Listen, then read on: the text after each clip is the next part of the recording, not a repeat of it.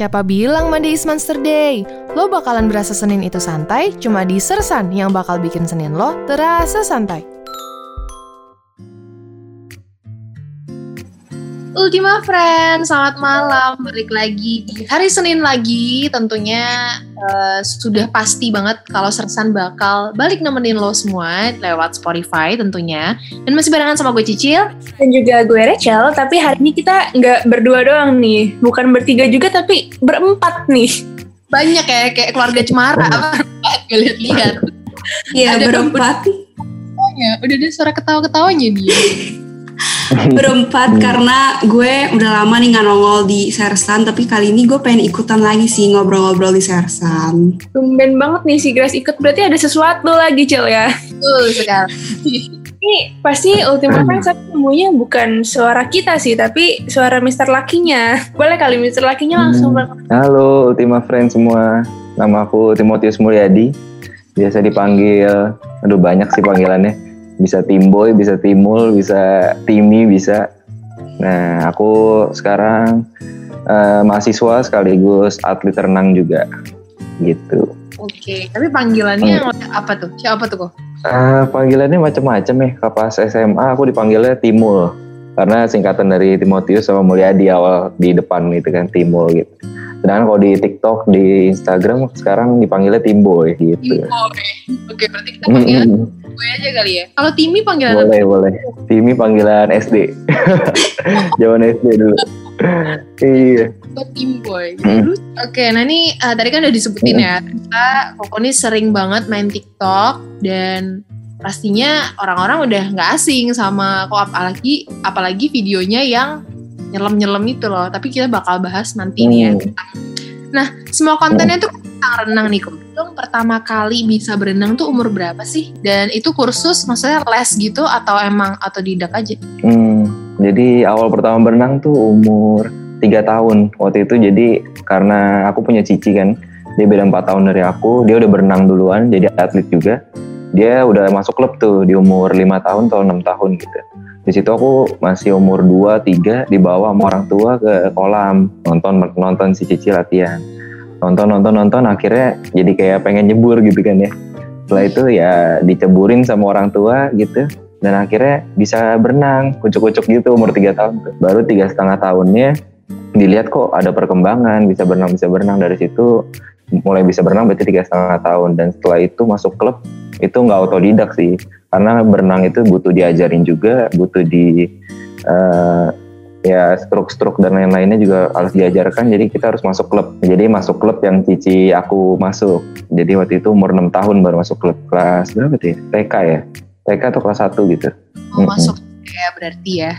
Klub renang betul. Tapi emang berarti emang bawaan lahir nih kayaknya dari tiga setengah tahun udah bisa berenang Ya kalau gue yang dilelepin sama orang tua udah tinggal nama ya.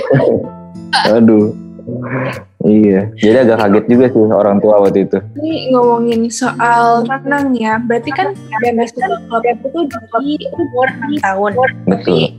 Kalau misalkan lat, uh, mulai kapan sih udah diserius gitu yang benar-benar latihan intens dan kayak ada goalsnya gitu? Nah, dari in, dari enam tahun itu masuk klub udah mulai intens tuh jadi latihan tiap ha, hampir tiap hari ya tapi waktu itu kayak enam tahun masih seminggu dua kali tiga kali setelah itu di umur tujuh ada kejuaraan pemula. Jadi untuk kelompok umur yang pemula atau di bawah ya di bawah umur 8 tahun kayaknya dia pemula. 7 tahun di bawah 7 tahun atau 8 tahun di saat itu ikut kejuaraan itu. Dan akhirnya menang di kota Bekasi waktu itu.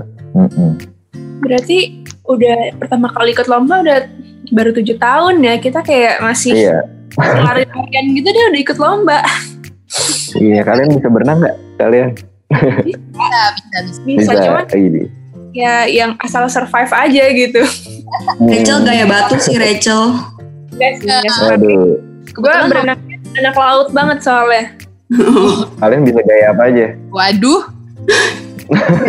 katak kan, katak terus Tahu gak sih katak apa beda di daerah? Iya, katak. katak, kodok, cil. Bener Katak kan? itu iya. kalau katak itu ya. disebutkan ya, untuk orang Indonesia banyak kan ya. Tapi hmm. untuk di renangnya disebutnya gaya dada atau breaststroke. Hmm. Oh. Hmm. Iya. Kalau Indo nyebutnya katak ya. kalau di tempat aku ya kalau nggak salah namanya gaya batang. Pokoknya yang kita menghadap ke atas, tapi kita bisa kampung itu kalau di tempat aku ya. Hmm, iya terlentang gitu ya ngadep ke atas ya. Aku lumayan hmm. sih, nggak terlalu apa namanya nggak terlalu bisa karena ikut renang. Agak berat ya. Iya, ikut renang juga gak terpaksa gitu loh karena mama tuh dulu juga, tapi nggak sampai atlet sih, cuman renang juga mama. Ah iya iya. Waduh mama, ada bibit-bibit juga nih. Pastinya nggak gitu Kalo suka belang susah hilang gitu, jadi kayak. iya iya, itu berenang pasti belang sih. Oke, okay, ini kalau dilihat-lihat nih Timbo ini ikut uh, ASEAN gitu. Iya betul. Itu beda kejuaraan kayak SEA Games, Asian Games itu. Nah, jadi sebutannya kan ASEAN University Games ya, berarti multi event untuk se Asia Tenggara. ASEAN kan Asia Tenggara tuh. Tapi bedanya ini universitas. Jadi antar uni yang wakilin itu anak atlet-atlet yang di university. Jadi buat atlet yang masih SMA atau masih pelajar belum bisa ikut. Jadi ini khusus untuk universitas dan diadakan mirip-mirip kayak SEA Games. Cuman kalau SEA Games bedanya itu nggak khusus universitas. Mau kalian misalnya umur 17 tahun ke bawah juga bisa ikut kalau bisa ngewakilin negaranya. Nah kalau Asian Games beda lagi. Kalau Asian Games se Asia di benua Asia ya. Jadi ada Jepang, ada ada China, ada yang lain negara-negara lain di Asia. Tapi kalau SEA Games itu cuma Asia Tenggara, hampir sama sama ASEAN University itu. Cuma waktu itu aku ngwakilin ya universitas itu di Bandung. Jadi pulang pergi Bandung di Jatinangor terus. Serius? Wow. Amazing. jadi aku jadi aku ngekosnya di Bandung terus latihan jam 5 pagi sampai jam setengah 7 terus kan kelas paling pagi setengah 8 ya mm-hmm. biasanya. Jadi itu spare sejam buat on the way dari Bandung oh. ke Nangor. 40 kilo, 40 kilo lah kira-kira. Nah itu tiap hari kayak gitu. Wah mau gempor makanya itu udah capek capek bener Gila. Hmm. tapi di Bandung ada kendaraan sendiri gitu berarti? Iya bawa, bawa mobil. Cuman kenapa di Bandung? Karena di Jatinangor nggak ada klub renang yang proper sebenarnya. Hmm. jadi harus jadi aku numpang ke klub yang di Bandung ada klub yang lumayan terbaik juga di Indonesia. Jadi aku numpang di situ latihan. Jadi pulang pergi di Bandung nangor Bandung. Gitu. gila. Keren keren keren. Berenang di Bandung pagi-pagi dingin banget tuh masuk angin kan nah, kan itu. angin. Sumpah itu dingin banget. bener sih. jadi kadang suka mager suka mager latihan juga karena dingin banget. Iya apalagi kayak, Bandung sering hujan Waduh itu mager banget ya. Nggak mungkin latihan tuh sih. itu kalau boleh tahu gaya renang yang apa nih dan berapa meter? Boleh diceritain gak sih? Ah, boleh. Aku waktu itu pakai pakai lagi berenang gaya bebas waktu itu. Waktu itu berenang gaya bebas di nomor 200 meter. Tapi waktu itu dapat pedalinya di nomor estafet. Jadi bukan individual. Jadi bareng teman-teman lainnya tim Indonesia gitu. Itu berenangnya 200 meter. 200 meter, tapi ini nomor estafet. Jadi kita berempat, satu orang 200 meter selesai, baru lanjut orang kedua. 200 meter selesai, lanjut orang ketiga gitu. Gila itu nggak itu enggak itu masih 200 meter belum yang lain. Iya, yang lain tuh. Jadi kalau aku renang di laut biasanya aku 10 km, Grace. Parah ya. Grace, gue tuh pas di pas Kotim ini bilang 200 meter, gue tuh kayak mikir kedalamannya gue kayak udah tadi gue lagi mikir aku Enggak itu. Itu dalam juga sih Cel. Gue sampai mikir terus kayak pas dia bilang 200 meter muter abis itu oh panjangnya 200 meter. Hmm, jadi panjang kolam Olimpik itu kan 50 meter tuh. Jadi empat kali bol empat kali bolak balik iya sekali dua kali tiga kali baru 200 meter kan. Gitu bukan dalamnya. Kalau dalamnya paling kolam cuma 3 meter biasanya dalam kolam. Oh iya benar-benar. Hmm. Gila sih itu nafasnya sepanjang apa weh? Bener-bener. Ngap gue kayaknya kalau kayak gitu. Nih, kalau tim ini kan tadi kan udah beberapa kali ikut kejuaraan nasional atau internasional gitu kan. Boleh nggak diceritain kejuaraan yang paling memorable dan itu tuh kapan dan kenapa tuh? Kalau memorable pertama mungkin di nasional dulu ya, di Pekan Olahraga Nasional. Jadi kalian tahu nggak sih PON? tahu. Pekan Olahraga Nasional tahu nggak? Tahu oh, ya. Ternyata PON itu ada berenang juga ya? Ada dong. Eh, renang itu termasuk sport yang uh, main sport. Jadi sport yang utama. Jadi di Olimpik ada, di multi event pasti ada. Jadi kayak sport yang wajib ada gitu. Kalau renang. Hmm. Jadi di situ di PON 2016 balik lagi di 2016 di Jawa Barat khususnya kota Indramayu aku dapat medali perak waktu itu mewakilin DKI Jakarta. Iya. Tapi itu bukan renang kolam guys. Itu kolam renang laut, renang laut. Mm -mm. Jadi berenangnya di laut. Wow. Kenapa? Baru tahu ya? Baru tahu kalau ada orang berenang di laut gitu yang benar-benar di laut. iya, jadi sebutannya nama cabangnya open water swimming. Jadi hmm. itu ada nomornya ada 3 km, 5 km dan 10 km. Nah, waktu itu aku ikut yang 10. Wow. yang paling yang paling jauh. Mm -hmm. Coba tebak berapa berapa jam guys? Coba dua dua sepuluh kilometer kira-kira berapa jam? Oh iya weh. Hah itu berenang sampai berjam-jam. Iya lah cil panjang weh. Enggak berhenti. Apa aja. Eh buset. Kalau mau istirahat dulu gimana kok? Kayak ada tapakannya dulu atau enggak sih? Gak ada lah ya? Nah it, nggak boleh iya nggak boleh napak. Cuman kita boleh kayak berhenti kayak ada pit stopnya gitu untuk kita minum gitu. Oh. Lucu deh pokoknya. Uh -uh.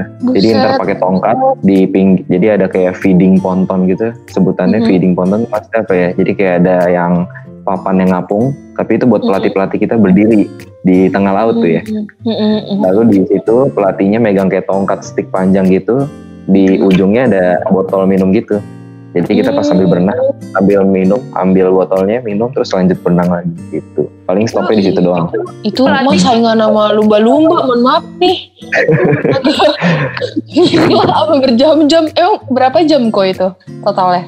Coba belum dijawab nih, tebak. Ini tebak, Cil. Berapa ya? Hmm. 10 kilo? Kalau naik sepeda kalau... 10 kilo berapa jam tuh? 5 jam beda nah. gak sih? Buset 5 jam udah keburu chaos duluan gak sih? Emang selama itu ya?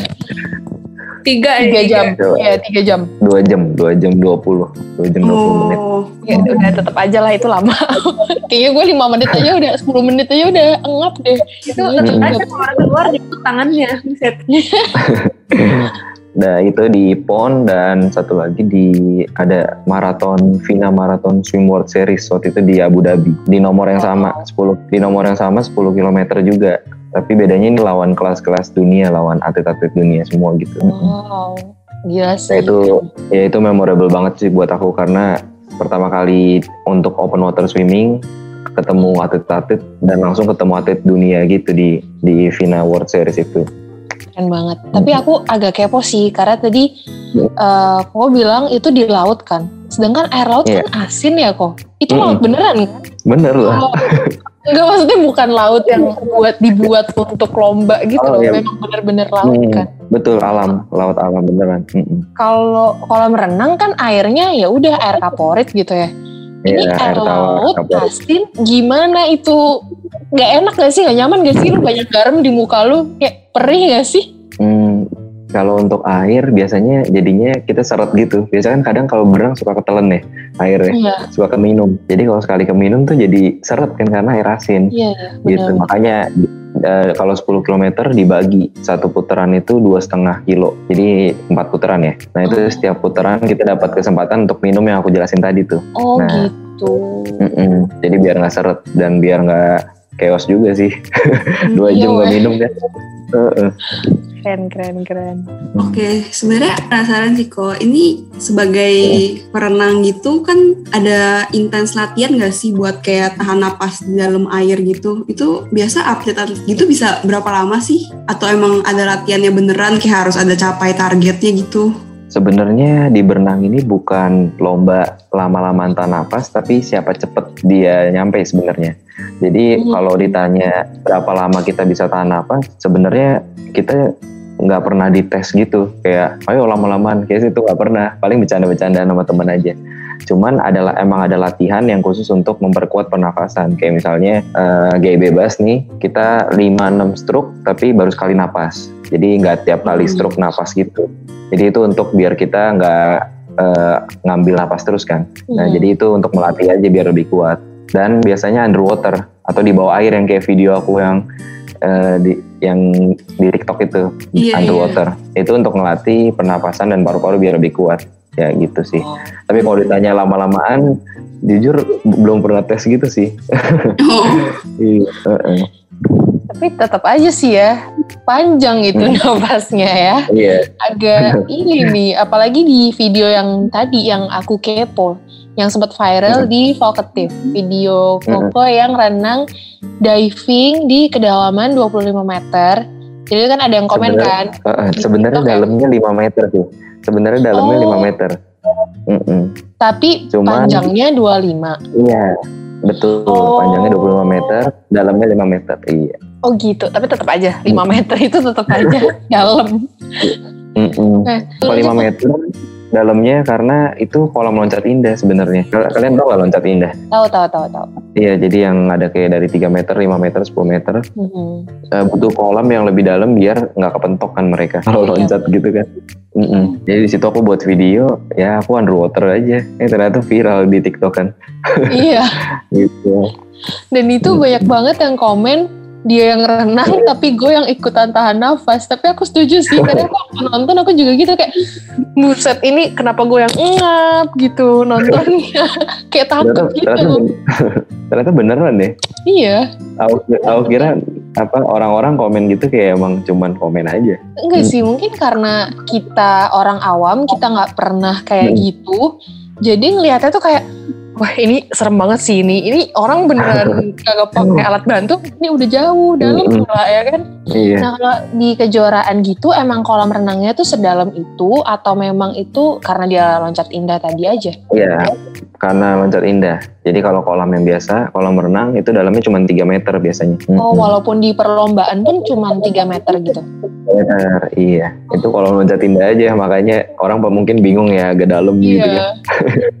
Mm-mm. Tapi pernah gak sih kalau tadi kan kayak kalau misalkan lomba-lomba gitu tuh jaraknya jauh dan apa ya yang kayak tadi dibilang butuh waktu berapa jam juga buat itu kayak yang tadi pas open water itu. Tapi pernah gak sih kalau misalkan lagi nyelam gitu terus kayak tiba-tiba nafasnya udah mau habis gitu kayak kayak lagi tengah-tengah gitu tuh kayak ngap gitu tuh. Itu cara ngatasinnya gimana tuh? Apa nggak pernah? Eh, karena aku perenang jarak jauh, jadi aku selalu napas. Jadi nggak nggak nahan, nggak nahan napasnya. Jadi tiap stroke tuh napas terus gitu. Karena kita kalau nggak napas ya nggak kuat kan untuk sampai 10 kilo misalnya gitu. Cuman ada nomor sprinter kalau di kolam renang 50 meter yang cuman sekali eh, sprint aja. Nah itu biasanya atlet-atlet supaya efisiensi eh, gerakan dan kecepatannya maksimal, na nafasnya diperdikit. Jadi mereka paling dalam 50 meter nafas cuma sekali atau dua kali, atau bahkan nggak nafas sama sekali. Gitu. Waduh. Nah, cuman kalau untuk jarak jadi untuk jarak jauh biasanya nggak pernah kita kayak tahan gitu sih. Kita malah ngatur gimana caranya biar efektif pernafasannya dan bisa nyampe de- dengan waktu terbaik gitu. Oke, jadi memang eh, karena tadi ya yang udah diomongin sama Kotimbo juga bahwa yang dihitung tuh lebih ke kecepatannya ya, bukan seberapa Betul. lama kita bisa nahan nafas. Tapi kalau sebelum ikut kejuaraan gitu, itu persiapannya berapa lama tuh kok? Oh, ngomongin persiapan latih renang mah mantep deh. jadi kita jadi kita tuh harus latihan tiap hari. Jadi dan nggak boleh skip gitu. Karena Wow. eh, feeling di air sama di darat kan beda kan. Mhm. Maksudnya kalau kita latihan fisik dan lain-lain agak beda. Jadi kita butuh latihan di air itu hampir tiap hari dan gak boleh skip. Kita beda dua hari tiga hari skip aja rasa water feelingnya udah beda tuh. Mm-mm. Jadi itu persiapannya kita latihan tiap hari. Kalau atlet renang tuh biasanya udah pasti tahu tuh kita latihan pa- subuh-subuh pagi. Jadi kalau yang pada sekolah biasanya mulai jam setengah lima sampai jam 6 gitu. Kalau yang nggak sekolah mungkin jam 6 sampai jam 8. Nah itu sorenya latihan lagi. Jadi kira-kira mm-mm. dan sekali sesi latihan bisa kisaran 5 sampai 7 km. Persiapannya Wah. seperti itu sih. Dan Mohon ada latihan ya. fisik juga. Hmm, Mm-mm. gimana? Itu nggak masuk angin tuh kok. Pagi-pagi udah renang, sorenya renang lagi. Mm-mm. Kayaknya main air mulu, dingin-dingin agak masuk angin ya. Ya minum itu loh cil tolak angin gitu kali cil. Dia minum Oke. jamu-jamuan ya. Kayak putih, kayak putih. Kayu putih. Jadi, se- jadi sebenarnya kenapa nggak masuk angin karena kita kan diforsir kan, kita nggak diem doang di air gitu. Biasa kan kita orang-orang awam misalnya suka main-main air dan kedinginan, keriput tangannya Hmm. itu karena diem doang. Tapi kalau kita banyak gerak, Oh. kita jadi kalau kita banyak gerak, kita berenang nonstop pasti kan badannya panas kan. Jadi nggak masuk angin juga gitu. Oh gitu, gue baru tahu loh. Iya. Gue kira ya udah nyebur ke air masuk angin gitu. Biasa kan orang tua kan ngomongnya, udah kalau misal ke hotel berenangnya nggak usah malam-malam, ntar masuk angin jangan kebagian Nah, juga iya. ntar masuk angin kan biasanya ngomongnya gitu kan Hmm, Tapi kalau malam, malam? jangan sih. Kalau malam Emang- jangan sih. Nah, emang bahaya biasanya ya? kita iya, biasanya kita pagi jam yang tadi aku bilang sama sore biasanya jam 4 sampai jam 6. Paling maksimal Hmm. setengah 7 udah selesai. oh gitu Gitu, iya. itu selain persiapannya yang tiap hari Hmm. itu ya itu latihannya juga beratnya itu berat banget kayak misal atlet basket yang lari ngiterin lapangan atau gimana tuh kok dan perlu kayak diet-diet gitu gak sih atau jaga makan kayak gitu Untuk latihannya di air pasti capek banget sih. Tapi tergantung, tergantung acara latihannya. Biasanya beda pelatih beda beratnya beda gitu. Mhm. Jadi ada pelat- pelatih yang emang ngasih acaranya kayak waduh nggak ngotak banget, ada yang emang santai latihannya. Tapi tergantung target juga. Jadi eh, kalau untuk bandingin sama basket, latihan fisiknya pasti ya sama-sama capek. Cuman kita lebih eh, banyak kardio di air, renang, sama di fisiknya untuk mendukung eh, power kita di air juga. Gitu. Dan biasa bisa di- dikasih tambahan sih sama pelatih, misalnya lari atau Hmm. Eh, dry land seperti itu. kalau diet-diet gitu Diet-diet, oh iya, diet itu diet juga karena oh iya nggak bisa asal sembarangan ya. Apalagi atlet nggak bisa sembarangan makannya kayak mungkin kalian bisa kayak goreng-gorengan sembarangan, tapi kita kalau udah mendekati pertandingan biasanya nggak bisa makan sembarangan. Apalagi udah sebulan, dua bulan sebelum pertandingan kita harus jaga makanan. ketat banget ya Iya, mungkin lebih dijaga makanannya bukan bukan nge- nge- bukan diet sih, lebih nge- dijaga aja. Mm-mm. Roti ini kan berarti udah udah mulai konsen yang benar-benar serius renang itu tuh dari umur 6 tahun. Berarti kira-kira Mm. udah 16 tahun kali ya. Betul, Selama- 16 tahun udah berenang.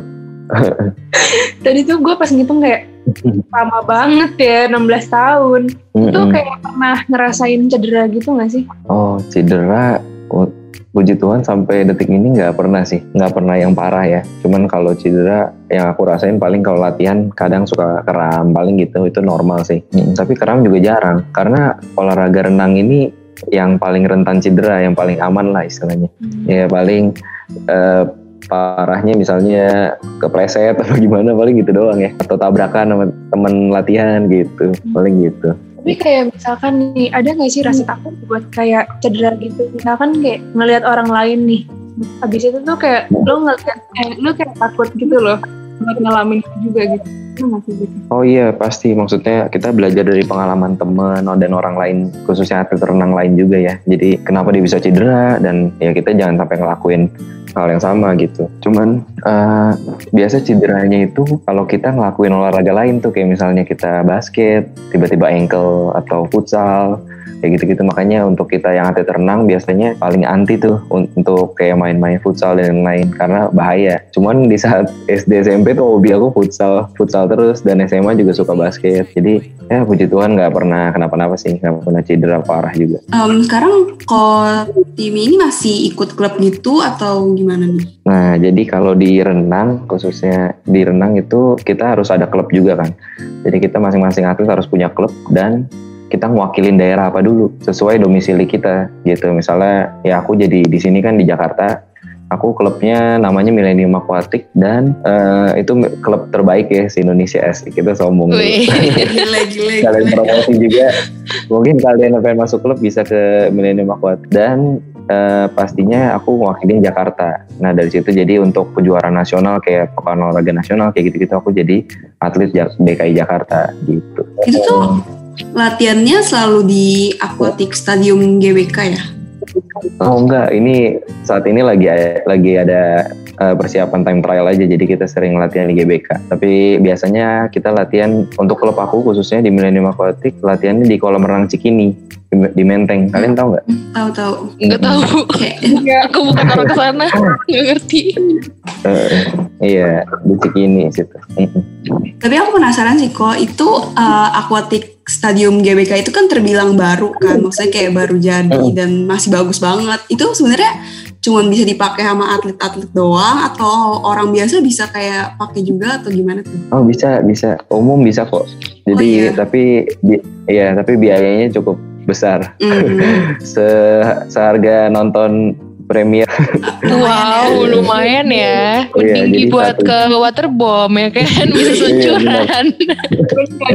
Jadi satu jam, tahu aku satu jam seratus ribu di Wow. GBK. Hmm. Lumayan ya. Hmm. Iya, tapi lumayan juga buat foto-foto ya kan. buat kalian, buat kalian yang umum mungkin. mm-mm. Orang ke sana bukan renang malah foto ya, fokusnya ya. Mm-mm. Karena keren banget stadionnya. Baik, baik. Nah ini eh, tadi kan udah ceritain tentang pengalaman waktu uh, Kotimboy renang, diving. Mm-mm. Itu kalau misal traveling ke laut tuh jadi lebih gampang kan ya berarti. Maksudnya kayak udah biasa Iya. gitu sama laut. Tapi ada Mm. nggak sih bedanya berenang di kolam dan di laut lepas selain airnya yang asin ya? Maksudnya yang lain Iya, vibes-nya gitu loh. Hmm, tadi kita udah bahas ya kalau untuk air. Nah, berbedanya kalau di kolam renang itu kan ada lintasan ya, ada tali lintasan untuk Oh. masing-masing atlet. Tapi kalau di laut itu bener-bener open water atau perairan terbuka. Jadi bener-bener nggak ada line-nya, nggak ada apanya. Cuman ditandai dengan eh, bui. Bui itu atau kayak pelampung besar gitu yang nandain untuk kita belok biasanya. Kayak navigasinya lah tanda. Mm-mm. Kalau di kolam misalnya kita disuruhnya 1500 eh jangan 1500 200 meter misalnya yang kayak aku di Asian Pacific. Berarti itu empat kali bolak-balik ya Mhm. gitu. Tapi kalau di laut misalnya disuruh 200 meter, belum tentu 200 meter karena kita bisa mengsong-mengsong, bisa miring-miring gitu lah. Dan ya itu dipengaruhi oleh arus dan ombak gitu. Jadi tantangan kita di laut berenangnya gitu. Kita harus pinter-pinter baca arusnya dan ombaknya. Ombak itu kan yang di atas, kalau arus yang di bawah air. Susah Nah, ya. gitu. Jadi semakin banyak jam terbang, pengalaman berenang di laut semakin pinter tuh baca arus dan ombaknya. Iya iya iya, bener-bener saingan sama lumba-lumba nih lama-lama ya, bisa ngerti betul. harus dalam air gitu. Tapi emang tali-tali di kolam renang gitu ngaruh ya kok ya? Karena aku pernah sih sekali, tapi kayaknya nggak ngaruh ya. Udah mengsong aja gitu. Karena emang mungkin renangnya abal kali ya, cuman orang renang ini jadi nggak ngerti. Tapi kalau buat uh, atlet ngaruh ya berarti. Kayak tali-talian kan cuma di atas kan itu. Sebenarnya iya di atas di permukaan air ya. Jadi itu tali sebenarnya fungsinya biar untuk mereduce atau apa ya sebutnya untuk menahan si ombak-ombak dari atlet Hmm. masing-masing atlet gitu. Jadi kalau ombaknya kena tali itu jadi kayak nggak terlalu ngelewatin si Oh. gimana ya ngelewat ya ngelewatin ke sebelah. Nah cuman sebenarnya kalau untuk awam enaknya ya biar nggak mengsong-mengsong jadi nggak pergi-pergi bisa miring-miring ke kanan gitu kan. Kalau misalkan buat dekat-dekat ini nih, ke ini sendiri tuh ada goals ke depannya apa atau mau ikut kualifikasi apa lagi nggak gitu? Nah, untuk terdekat ini aku pertama kelarin kelarin skripsi dulu karena aku semester 7 kan sekarang. Eh, eh, kalian semester berapa? 5 ya? Lima. Mm-mm. Iya, jadi aku kelarin skripsi dan pastinya aku persiapan untuk paling deket ini eh, event yang paling besarnya Pekan Olahraga Nasional di 2021 Papua Ah, tahun depan. Papua. Harusnya Oktober. Iya di Papua. Harusnya Oktober Wow. kemarin nih. Oh. Harusnya Oktober tahun ini. Cuman karena pandemi ya, jadi diundur setahun. Mm. Hmm, Jadi paling persiapannya itu untuk Oktober 2021. Nah itu persiapannya ya tetap latihan, maintain kayak yang aku bilang tadi tiap hari harus Mm. latihan kita akan tenang dan pastinya nggak boleh bosen karena emang itu tanggung jawab dan kewajiban kita ya sebagai atlet. Dan aku belanya di DKI Jakarta kalau di PON. Hmm. Oh gitu. Hmm. Aku mau ini dong nanya satu lagi terakhir. Ini Eh, emang nggak ada di ini produser aku sih. Cuman aku kepo aja. Ini kan pandemi ya, dan kita Iya. semua tahu bahwa virus itu tersebarnya kan lewat droplet gitu loh, lewat cairan. Sedangkan Oh kan pasti dengan atlet-atlet lain kan nggak mungkin ya satu orang satu orang punya private pool kan ya agak gimana Iya, gitu. Itu takut gak sih sebenarnya? Maksudnya kan kita nggak ngerti ya keadaan orang gitu. Hmm. Ada ketakutan gak sih sebenarnya? Apalagi lagi sering-seringnya latihan. Hmm, Oke, jadi ya sebenarnya di awal-awal pandemi kemarin, bulan Maret, April tuh aku juga jujur kayak serem banget. Apalagi jangankan ke kolam, aku keluar aja kayak takut banget ya. Kalian juga gak sih ngerasain kayak gitu? Kayak parno banget kan. Cuman Bener. ternyata, hmm, cuman ternyata emang ada risetnya bahwa air di kolam itu kan ada banyak zat-zatnya. Nah itu jadi bisa ngebunuh eh, virus COVID, virus COVID-19 Oh. gitu. Jadi kayak kalau ada droplet atau apa yang kena masuk ke air kolam itu tapi tergantung ya kolamnya harus yang bagus ya istilahnya. Iya. ada airnya. Jadi ya kayak misalnya kaporit lah apa zat-zat lainnya itu bisa ngebunuh virus itu. Jadi aman sebenarnya. Cuman ya aku tak yang kita takutin ketika naik dari kolam itu kan kita ketemu teman-teman lagi tuh. Betul. teman-teman renang. nah itu kita harus tetap pakai masker ikutin protokol gitu. Iya, tapi kan nggak mungkin ya udah- keluar dari kolam langsung pakai masker kan basah sama Ah, aja nggak guna ya kan. Iya makanya agak serem juga sih. Cuman biasanya untuk atlet khususnya kita DKI Jakarta biasanya ada beberapa bulan kita ada tes juga, ada tes eh, ini juga swab dan rapid juga gitu. Oh, rutin gitu ya. Mm, Cuman nggak rutin banget juga sih. Iya. oke oke, terjawab sudah kekepoan saya yang sebenarnya agak penting gak penting nih sih ya. Cuman kepo aja gitu. Tapi selain cicil yang kepo, gue ada satu pertanyaan kepo lagi ini Apa enggak. Ini tuh? kayak belum ada di skrip. Gue penasaran aja. Hmm. Ini kan lu udah berenang kayak sekitar 16 tahun gitu kan. Mm. Pernah gak sih abis berenang kayak capek terus makan Indo pakai nasi abis berenang kayak Waduh, ini tuh gue selalu kayak atau nggak pop gitu biasanya Tapi bener sih. banget kayak lu abis berenang pasti kopi. bekalnya tuh pop atau nggak Indo Bener, bener, kan. bener. enak banget tuh. mie instan lah ya. Bener sih. Aduh ngomongin kayak gitu itu kayak inget zaman-zaman dulu SD sih. Iya bener. Iya, Jawab. jadi dulu SD. enggak Mm-mm. Jadi itu sih bener-bener ya goals bukan cuma atlet ya semua orang kayaknya kalau bisa berenang kayaknya Domi Gak panas afdol ya. Gak afdol kalau renang tanpa mie instan tuh kayaknya gak afdol gitu ya. kurang betul. Cuman kita khususnya untuk atlet yang udah eh, di tahap ini ya harus jaga-jaga juga cuman biasanya Iya. kita nyolong kita cheating nyolong-nyolongnya di weekend biasanya kita Hmm. boleh makan asal kita boleh makan mie, indomie, mau apa pun lah yang goreng-gorengan juga tapi untuk weekend aja mungkin hari minggu atau sabtu setelah latihan pagi tuh Oh, Gitu. iya sih Tapi Grace untuk- kalau kalau misal eh, mereka kan latihan tiap hari ya, tiap hari makan Indomie bukannya sehat malah hmm gitu iya nggak jadi. iya Oke deh, kayak seru banget sih ngobrol-ngobrol tentang renang kayak gini. Apalagi kayak kita bertiga kayaknya belum pernah denger gitu loh dari khususnya Nggak atlet pernah. renang gitu nggak sih? Kayak, Bener, kita kan tim rebahan ya kan. oh iya betul waduh Dia si Kotimi ini rebahannya di air, kita di kasur sih Cil. Kan di air bisaan aja lu Grace. kalian Oke hobinya deh. apa sih olahraga Olahraga. Nari. Aku akhir-akhir ini, eh enggak dong. Aku akhir-akhir ini lagi suka yoga. Tapi itu olahraga gak sih yoga? Bukan ya? oh Olahraga bukan? kayaknya olahraga Olahraga Olahraga. Olahraga. baik baik. Tapi lebih suka itu sih. Tapi kenapa ya gue nggak punya hobi olahraga apa-apa weh. Gue hobinya nontonin Aduh. orang olahraga doang sih. Aduh. Oh gitu.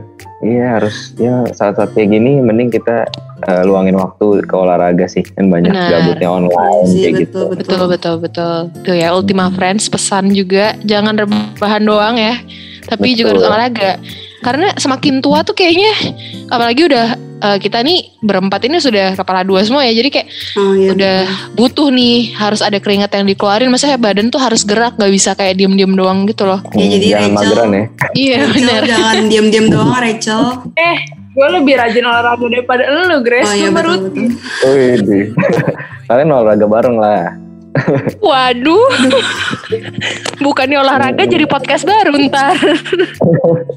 kita kayaknya Oke. lebih ke kuliner bareng ya daripada Iya benar. Hmm, Iya sih.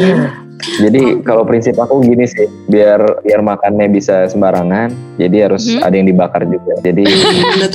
Bener, bener sih. mm, jadi habis dibakar timbun lagi, bakar lagi timbun lagi. Iya. Bener sih, benar benar. Itu sih paling bener sih maksudnya jadi kayak kalau mau makan banyak jadi nggak berdosa-dosa amat gitu kan. Betul. kayak selama pandemi gini tuh gue jadi kayak lebih ini tau jadi kayak lebih mager Hmm. gitu kan sebelum ini tuh gue bener-bener kayak masih rajin tiap minggu basket nge-gym gitu gitu tapi kayak makin males gitu Tuh ya anak gym kayak ini. Iya. Iya. Di apart doang kan jadi sebelum ini kan pas di Hmm. kampus karena di apart kan terus udah gitu tuh kayak masih rutin nge-gym terus eh, apa eh, berenang habis itu terus tapi kayak gara-gara sekarang udah balik ke rumah tuh jadi kayak nggak ada kesempatan gitu loh Hmm. Oh, gue baru tahu ya. sempetin. Gue baru tahu Rachel suka olahraga ternyata. Kayaknya kayaknya pencitraan Oh. doang sih gara-gara ngobrol sama Oh, atlet. Gue kayaknya mantap. kalau Oh, ditanya. Cel tidur, tidur, tidur mulu. Kalau nggak tidur, rugas tidur, rugas ya kan? Kan kita gara-gara lagi online, lagi online. Kalau misalkan enggak kan, nih Grace kan kita kan kayak suka basket bareng kan nggak boleh. Iya, iya, iya, iya deh, iyain aja, iyain aja. Oh, mungkin lu basket, gue orang yang nonton Cel ya gak sih? Basket bareng kan namanya itu. Ah, betul. Oke Oke. deh, ini jadi ke mana-mana ya ngobrolnya ya. Tapi seru banget ngobrol sama eh, kok tim, tapi bener kan tim boy ya, tim boy. Ke tim Oh. boy. Oke, dan mungkin ada gak sih pesan buat Ultima Friends selain jangan rebahan doang? Ah, buat Ultima Friends yang denger ini, kalau dari aku mungkin buat kalian yang lagi berproses, mungkin di bidang pendidikan atau bisnis atau atlet sekalipun, yang pastinya nikmatin prosesnya, enjoy, jangan dibawa jadi pressure atau tekanan. Eh, Hmm. Jadi kalian bisa ngelakuin itu dengan santai, dengan pastinya maksimal. Jadi eh, terus berproses maksimal dan jangan nyerah pasti. Gitu. Yes. Positif banget ya manusianya ya Ultima Friends.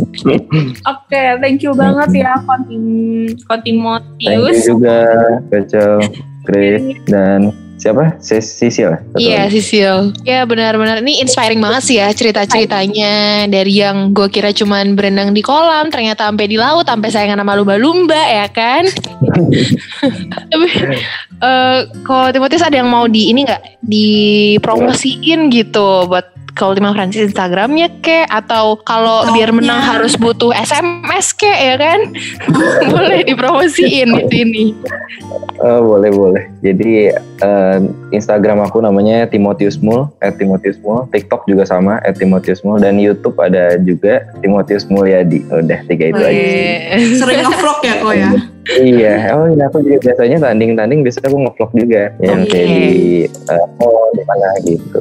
Oke, mulai besok aku pantengin. Kita pantengin ya. Waduh, thank you. Oke, buat Ultima Friends juga jangan lupa untuk selalu dengerin Sersan setiap hari Senin jam 8 malam only on Spotify UMN Radio. Jangan lupa juga buat follow Instagram at Yemen Radio for the latest updates of our new podcast, Yemen Radio Inspiring Change for Tomorrow. Siapa bilang Monday is Monster Day?